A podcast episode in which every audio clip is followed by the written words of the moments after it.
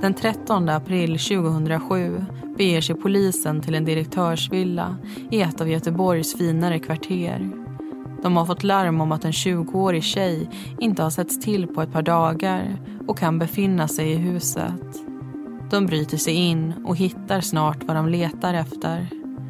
Tjejen ligger död i ett av badrummen.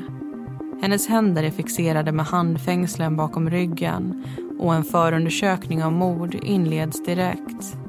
Frågan är bara vem som velat henne så illa.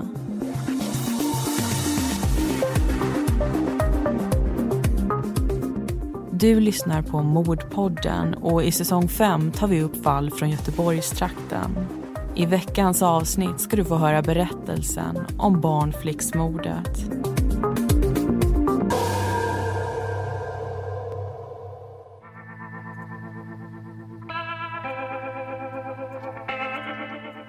–1987 kan ett par välkomna en liten dotter till sin familj.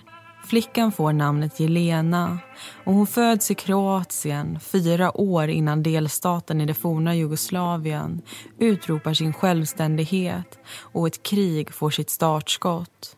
1991 flyr den lilla flickan tillsammans med sin bror och sina föräldrar till Tyskland.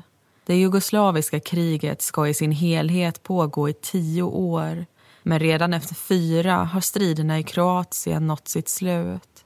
Familjen återvänder hem till ett land som nu är till stora delar ödelagt. Städer som Vukovar och Dubrovnik har drabbats särskilt hårt. Granater, artillerianfall och stridsvagnar har lämnat bakom sig raserade hus, skottskadade fordon och vägar som inte längre går att se på grund av alla tegelstenar som ligger ovanpå. 20 000 människor har mist livet och en kvarts miljon har tvingats fly. Kroatiens tidigare starka ekonomi har fått sig ett rejält bakslag och det kommer ta tid att bygga upp allt igen. När Jelenas föräldrar skiljer sig flyttar hon och pappan till ett litet hus i staden Ogulin. Jelena växer upp till en skötsam tjej som mycket hellre sitter med en bok i knät än ränner ute om kvällarna. Hon är ganska blyg av sig men utstrålar också en stor värme till människorna i sin närhet. Skolan är väldigt viktig för henne och det speglas tydligt i hennes resultat. Hon har bra betyg och en tydlig plan för vad hon vill åstadkomma. En dag vill hon ha titeln journalist men först vill hon studera utomlands. Efter studenten börjar Jelena titta på de olika alternativen vilka länder hon skulle kunna åka till och vilka kurser hon skulle vilja läsa. Slutligen faller valet på Sverige och kursen Scandinavian Studies på Göteborgs universitet. Hon blir antagen och snart är väskan packad och pappan får en sista kram innan hon påbörjar sin resa norrut. Hemma i Ogulin står ett nytaget foto på Jelena framme. Hon har mörkt hår och rosiga kinder.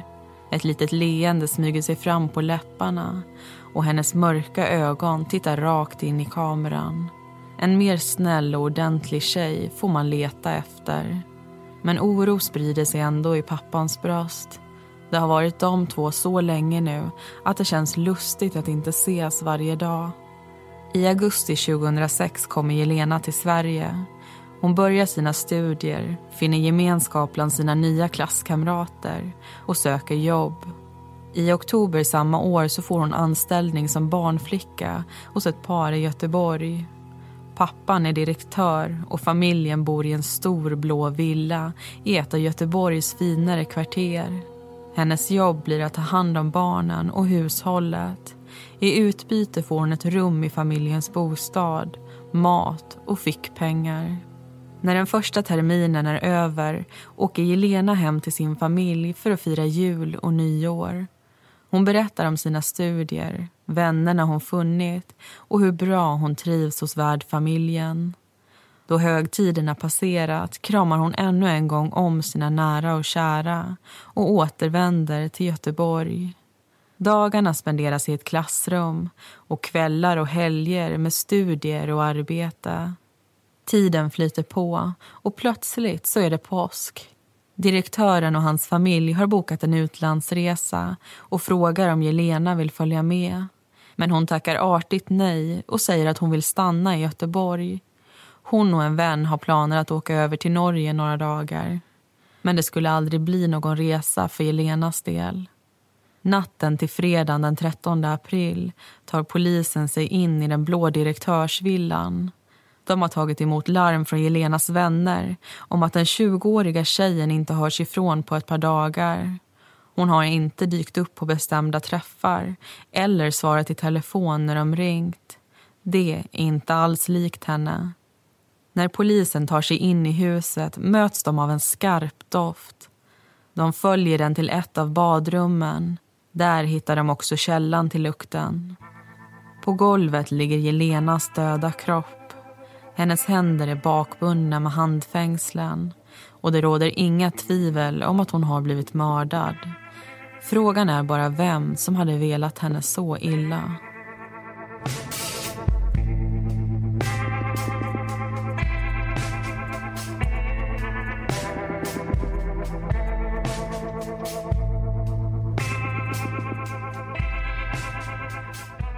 Där fick vi alltså lyssna på inledningen av veckans fall Barnflicksmordet. Och i den här diskussionen ska vi ta upp något som påverkar straffet som gärningspersonen kommer få.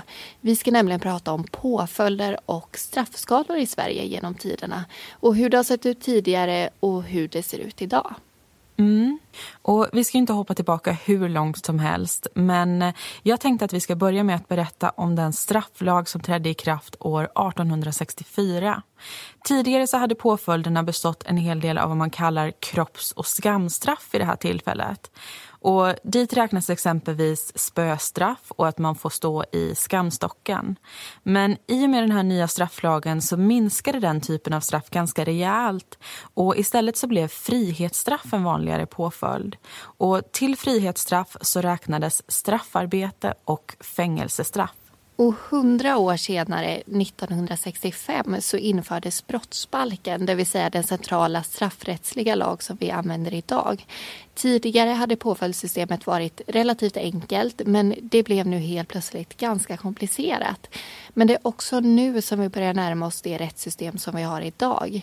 1989 så infördes samhällstjänst. Tio år senare fick vi sluten ungdomsvård och 1992 så ersatte rättspsykiatrisk vård sluten psykiatrisk vård och 2007, nu blir det mycket årtal här men ni får hänga med, så ersatte ungdomstjänst och ungdoms... Say hello to a new era of mental health care. Cerebral is here to help you achieve your mental wellness goals with professional therapy and medication management support. 100% online. You'll experience the all new Cerebral Way, an innovative approach to mental wellness designed around you. You'll get a personalized treatment plan from a therapist, prescriber, or both in a safe and judgment free space. Your cerebral therapist or prescriber will outline a customized plan with clear milestones along the way so you can get to feeling your best. With Cerebral, you're not alone in your mental health journey. We're here to empower you to live a fulfilling life. So take that first step towards a brighter future and sign up today at cerebral.com slash podcast and use code ACasts to get 15% off your first month. Offer only valid on monthly plans. Other exclusions may apply. Offer ends July 31st, 2024. See site for details. Vård ett överlämnande till vård inom socialtjänsten. Mm. Och vill du läsa mer om det här så kan du kika på en publicering som heter Brott och straff och som är skriven av Hans von Hofer. Det är nämligen därifrån den här informationen kommer och det finns mycket mer att hämta. Men eh, det är ju en förändring som vi inte har tagit upp ännu. En förändring som påverkar den påföljd som vi kommer att höra om i dagens fall. Den 1 juli 2009 så görs nämligen en lagändring vad gäller straffskalan för de som döms för mord. Innan det här datumet så bestod den här skalan nämligen bara av två alternativ. 10 års fängelse eller livstidsfängelse. Men nu lägger man alltså in fler intervall och det är därför man idag kan dömas till 10, 12, 14, 16, 18 år eller livstidsfängelse. Och det här är något som vi har fått en hel del frågor och reaktioner på när vi har tagit upp mordfall som skett innan den 1 juli 2009.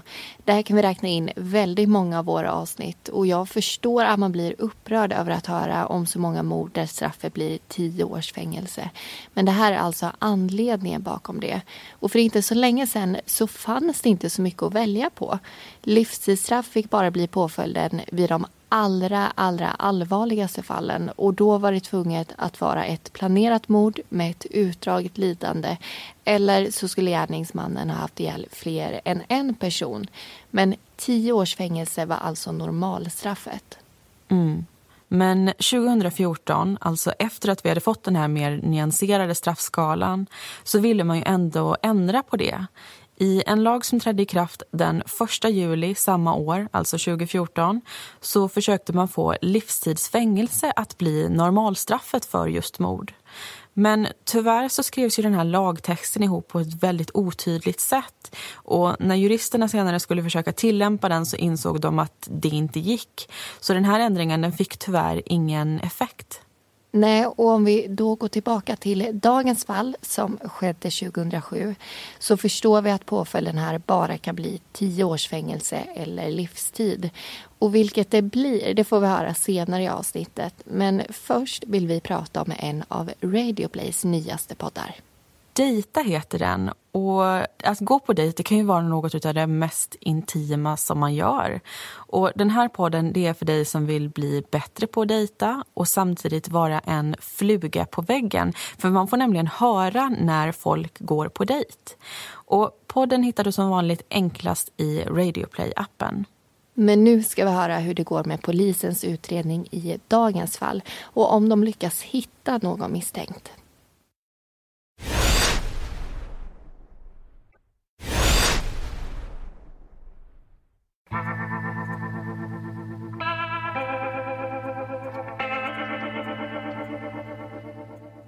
Dagen efter att Jelena hittas mördad är den blå direktörsvillan avspärrad med polistejp. Den grönskande trädgården i det lugna området står i stark kontrast till det som skett innanför husets dörrar. Och dörrarna är just en av de detaljer som teknikerna kommer undersöka noggrant. När polisen tog sig in i huset var nämligen alla fönster och dörrar stängda och låsta. Det finns inte några tecken på inbrott vilket tyder på att gärningsmannen troligen blivit insläppt och låst efter sig då han gått därifrån. I badrummet där Jelena hittats plockar man med sig allt som kan tänkas ha en koppling till hennes död. Det ljusa kaklet ramar in både ett duschutrymme och ett badkar. På hyllan intill fönstret står flera hud och hårvårdsprodukter. Men något tydligt mordvapen ser man inte. Vilket kanske inte är så lustigt med tanke på att man ännu inte har en dödsorsak. Man går också in i Jelenas rum som är beläget på samma våning. Väggarna är vitmålade och golvet trä.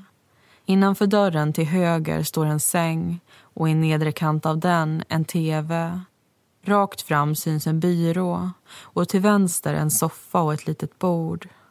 Det finns endast ett par personliga tillhörigheter och för att polisen ska få reda på vad som hänt behöver de först ta reda på vem Jelena var.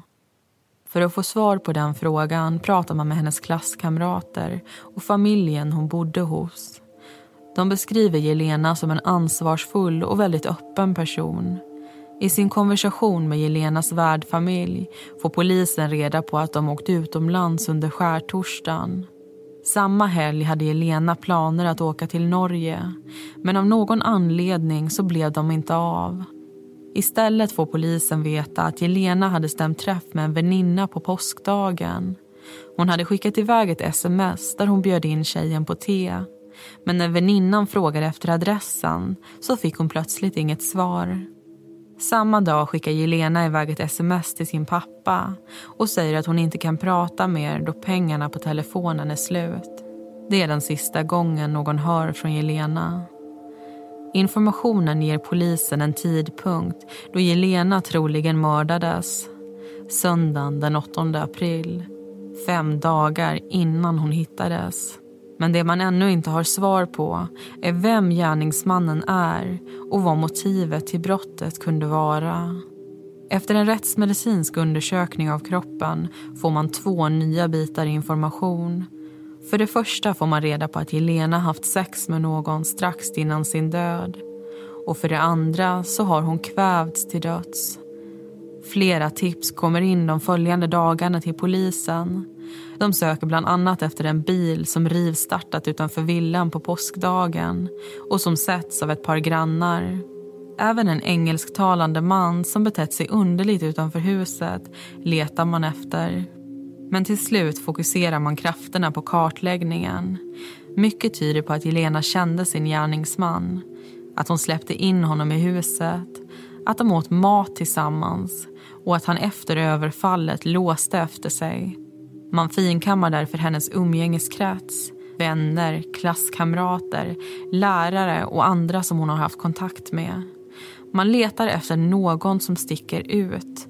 Någon som skulle kunna vara kapabel till ett sådant våld som Jelena utsatts för.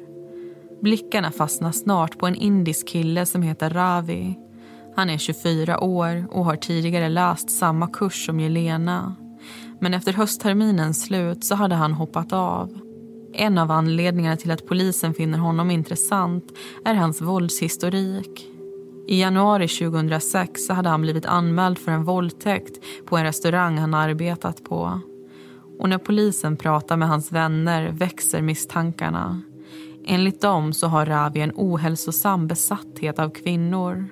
Han kan bli fixerad och ha svårt att släppa taget.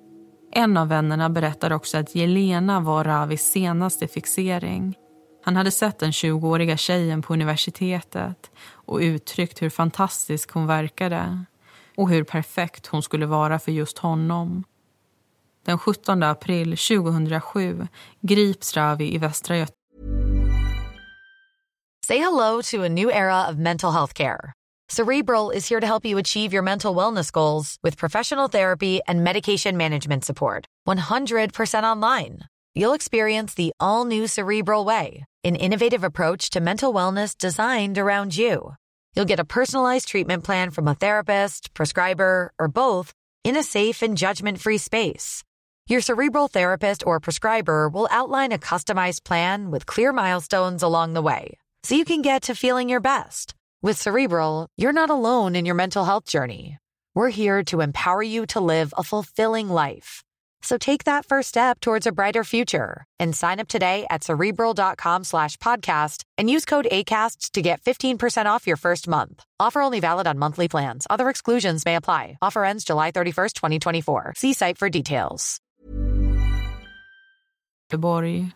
Det har då gått nio dagar sedan Jelena mördades och fyra sedan polisen fann henne död. Den 24-åriga killen plockas in till förhör. Han delges misstanke om mord. Ravi frågar vart det skett och förhörsledaren svarar Göteborg. Därefter börjar Ravi bete sig märkligt. Han börjar skratta. Förhörsledaren undrar om Ravi har några frågor kring det hela. Men den unga killen säger nej samtidigt som han fortsätter att skratta och flina. Förhörsledaren undrar om Ravi inte är rädd. Ännu en gång möts han av ett nej. Det ska ta flera förhör innan den 24-åriga killen börjar berätta sin historia. När han väl gör det så är det en annan än polisen väntat sig. Ravi berättar att han och Jelena kände varandra väl mer än hennes vänner kunnat ana. De hade träffats i skolan i och med den gemensamma utbildningen fått upp ögonen för varandra och blivit ett par. Han var absolut inte Jelenas gärningsman. Han var hennes pojkvän. Men informationen stämmer inte med det som Jelenas vänner berättat och polisen får intrycket att det är en desperat lögn för att dölja det som verkligen hänt.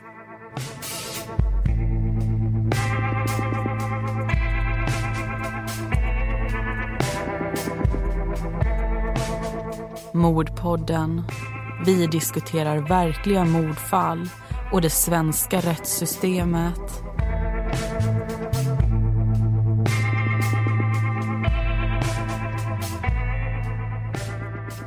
Då var det dags för en ny diskussion och nu när vi har en misstänkt så ska vi ägna de närmaste minuterna åt att gå igenom den här våldtäkten vi nämnde och även ett försök till våldtäkt som Ravi anmäls för.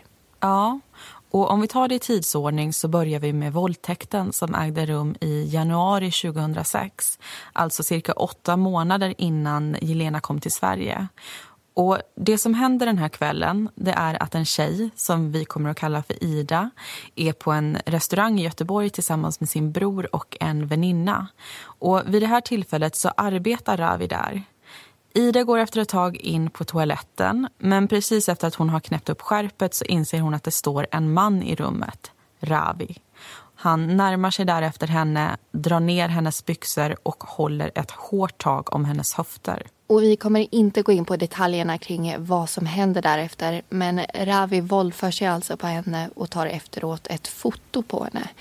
Sen lyckas Ida knuffa bort Ravi som tur är och ta sig tillbaka till sällskapet. Hon berättar för sin kompis vad hon blivit utsatt för och på måndagen så görs en polisanmälan och Ida genomgår en läkarundersökning.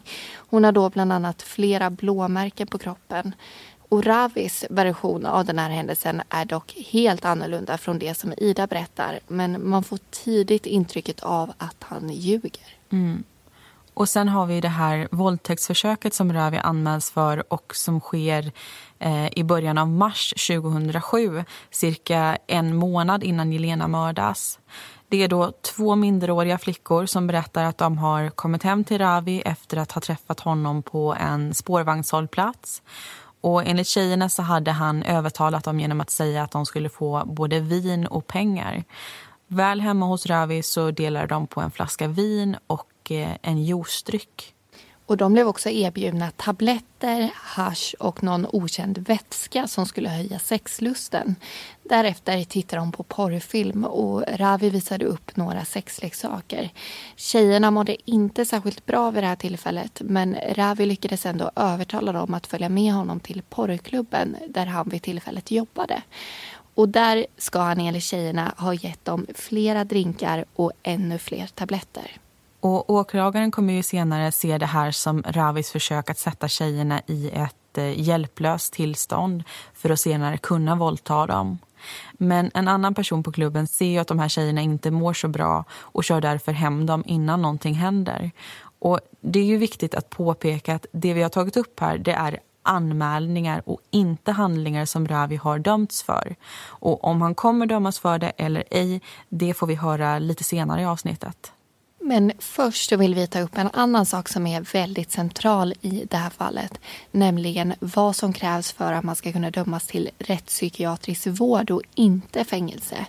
När man gör en sinnesundersökning av det misstänkta så försöker man reda ut om personen har en allvarlig psykisk störning eller har haft det vid gärningstillfället.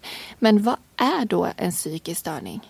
Det kan exempelvis vara att man har en psykos eller att man lider av något tillstånd som gör det svårt, om inte omöjligt, att skilja på fantasi och verklighet. Och Det räcker med andra ord inte att man mår dåligt. Människor som har depressioner, ångest eller personlighetsstörningar de får alltså inte automatiskt den här typen av vård utan det måste vara en psykisk störning med en tydlig koppling till just den brottsliga händelsen. Mm. Och efter att Ravi plockas in till förhör, som vi hörde i slutet av förra berättelsen, så inser man ganska snabbt att han inte mår bra. Under tiden på häktet så får personal intrycket av att han är självmordsbenägen och han vårdas på rättspsyk under rättegången. Och han får då antipsykotisk medicin och det märks att han har väldigt dåligt samvete mot bland annat sina föräldrar som betalat för hans utbildning. Och Det här är ju inte första gången som man uppmärksammar hans psykiska hälsa. Under vallningsvideon så säger han själv att han har en svår sjukdom och att han mår dåligt i huvudet. Men genom en sinnesundersökning så kommer man ju senare fram till att han varken har eller har haft en allvarlig psykisk störning. Men man bedömer också att Ravi är en omogen individ som är jag-svag och väldigt känslig för stress. Och nu när vi vet lite mer om hur Ravi är idag så tycker jag att vi återgår till berättelsen och pratar om hans förflutna, nämligen hans barndom.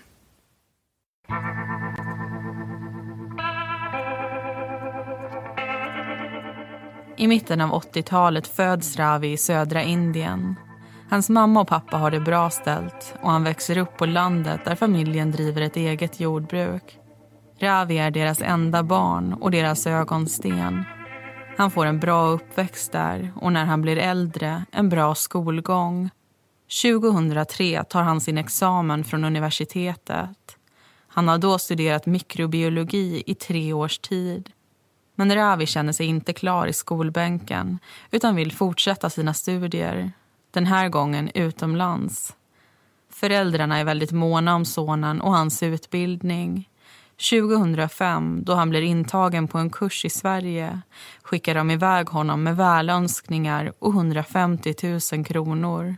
Han ska nu studera molekylär biologi i Skövde. Men studierna går inte som Ravi tänkt sig. Han hamnar efter och får dåliga resultat på tentorna. Till slut ger han upp och bestämmer sig för att byta stad och kurs. Han skriver in sig på Scandinavian Studies i Göteborg och hösten 2006 påbörjar han sina studier på nytt. Vid sidan om skolan arbetar Ravi, dels som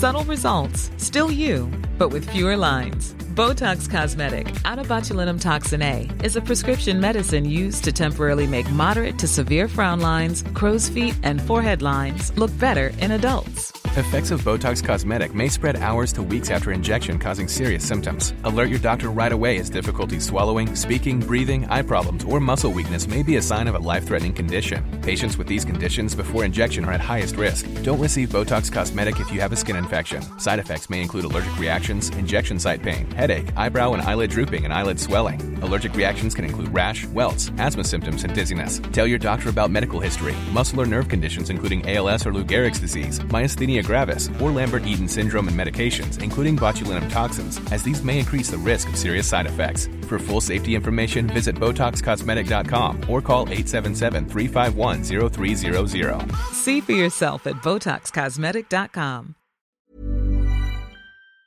städare på olika restauranger men också som bartender på en strippklubb i stan. Hans fixering vid kvinnor och sex tycks växa då han 2006 till 2007 anmäls för både våldtäkt och försök till våldtäkt. Det är också nu han får upp ögonen för Jelena. När Ravi berättar för förhörsledaren om deras relation säger han att de började umgås under hösten.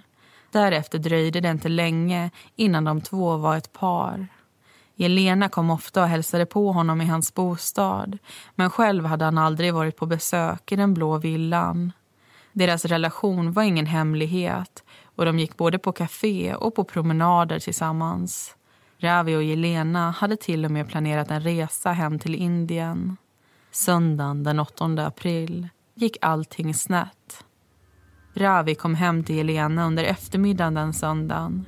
De tittade på tv och åt pannkakor samtidigt som de tog sig varsin öl. Senare på kvällen hade de sex. Handfängslena var en del av det och Ravi menar att båda två var bekväma med det. Men plötsligt blev Jelena arg på honom och började skrika. Hon kallade honom för våldtäktsman och Ravi blev rädd att någon skulle höra henne och komma för att undersöka hur det stod till. För att undvika den situationen tryckte han sin hand för Jelenas mun. Han hade bara en tanke, att få henne tyst. Sen svartnar allt. 15 till 20 minuter senare menar Ravi att han vaknar till. Jelena sitter halvt lutandes mot sängen i sitt rum. Hon är helt stilla och Ravi tror att hon skojar med honom. Han försöker väcka henne utan att något händer. Därefter hämtar han vatten och försöker förmå Jelena att dricka. Men hon är helt lealös. Minuterna går. Ravi inser att han måste göra något och plockar upp Jelenas livlösa kropp och släpar in henne på toaletten. Han släcker ljuset och låser därefter rummet. Innan han går därifrån ser han till att plocka med sig två bärbara datorer, en mobiltelefon och en digital kamera. Sen försvinner han ifrån det låsta huset. Den 6 juli 2007 kommer in en stämningsansökan angående Ravi. Åklagaren har valt att åtala honom för det tidigare våldtäktsförsöket och våldtäkten samt mordet på Elena. I rättegångssalen får de närvarande höra Ravis berättelse kring det som hänt. Åklagaren lägger även fram sin egen version. En version som inte ser lika milt på Ravis beteende. Istället tas den 24-åriga mannens fixering av kvinnor och sex upp. Man berättar om de tidigare överfallen och hur våldet trappats upp. Att Jelena skulle ha varit Ravis flickvän tror varken åklagare eller nämndemännen på. Hon hade flera nära vänner i Göteborg och trots att hon var en så öppen person så hade hon aldrig nämnt Ravi. Åklagaren menar istället att Ravi och Jelena fått kontakt genom skolan. Kanske var de bekanta, eller så sågs de bara på lektionerna. Därefter fick Ravis fixering fäste. I en teori som åklagaren lägger fram hade Jelena och Ravi inga planer att ses den 13 april. Jelena hade bjudit hem en väninna på te men innan hon kunde ge henne adressen kom Ravi emellan. Kanske bjöd Jelena in honom i huset eller så blev hon tvingad. Vad som hände därefter är svårt att bevisa. Det man vet med säkerhet är att Jelena och Ravi haft sexuellt umgänge den kvällen. Men om det var frivilligt från Jelenas sida eller inte går inte att bevisa. Både åklagare och nämndemän lutar dock mot att det var en våldtäkt. Enligt vännerna så var Jelena oerfaren sexuellt och att hon då skulle ha gått med på sex med bakbundna händer finns det stora tvivel kring. Samtidigt som vittnesmålen och bevisningen tas upp sitter Jelenas familj i rättegångssalen. Tårarna rinner ner för pappans kinder då han, mamman och Elenas bror tvingas höra på vad hon utsatts för. På andra sidan rummet sitter Ravi. Han mår dåligt över det som hänt och det faktum att han nu måste gå igenom allt igen. Flera gånger bryter han ihop, börjar prata och blir tillrättavisad av rättens ordförande. Plötsligt börjar han skrika att han vill dö han säger att han är en stor brottsling och att rätten borde hänga honom som Saddam Hussein.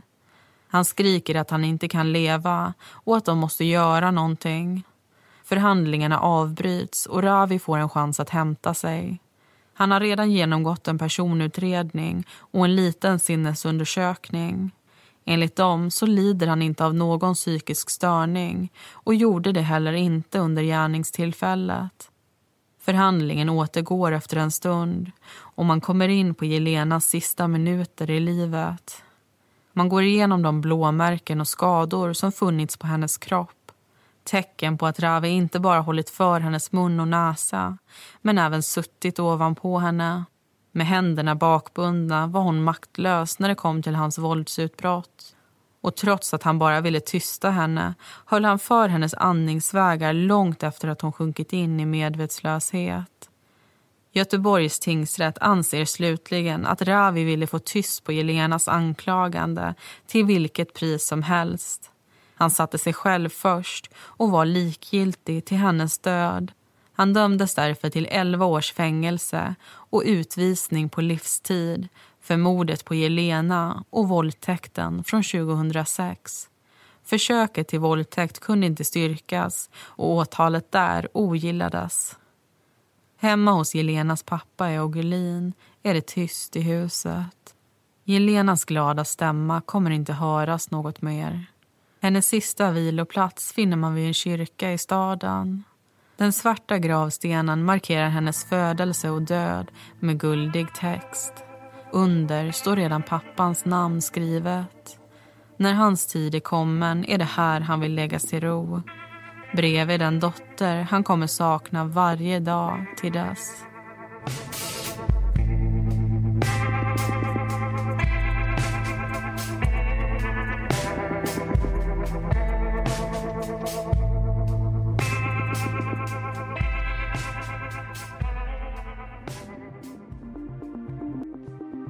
Tack för att du har lyssnat på det här avsnittet.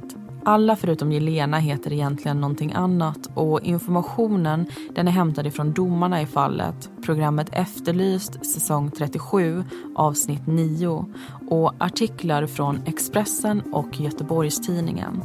Nästa vecka tar vi upp koffertmordet. Vi hörs då.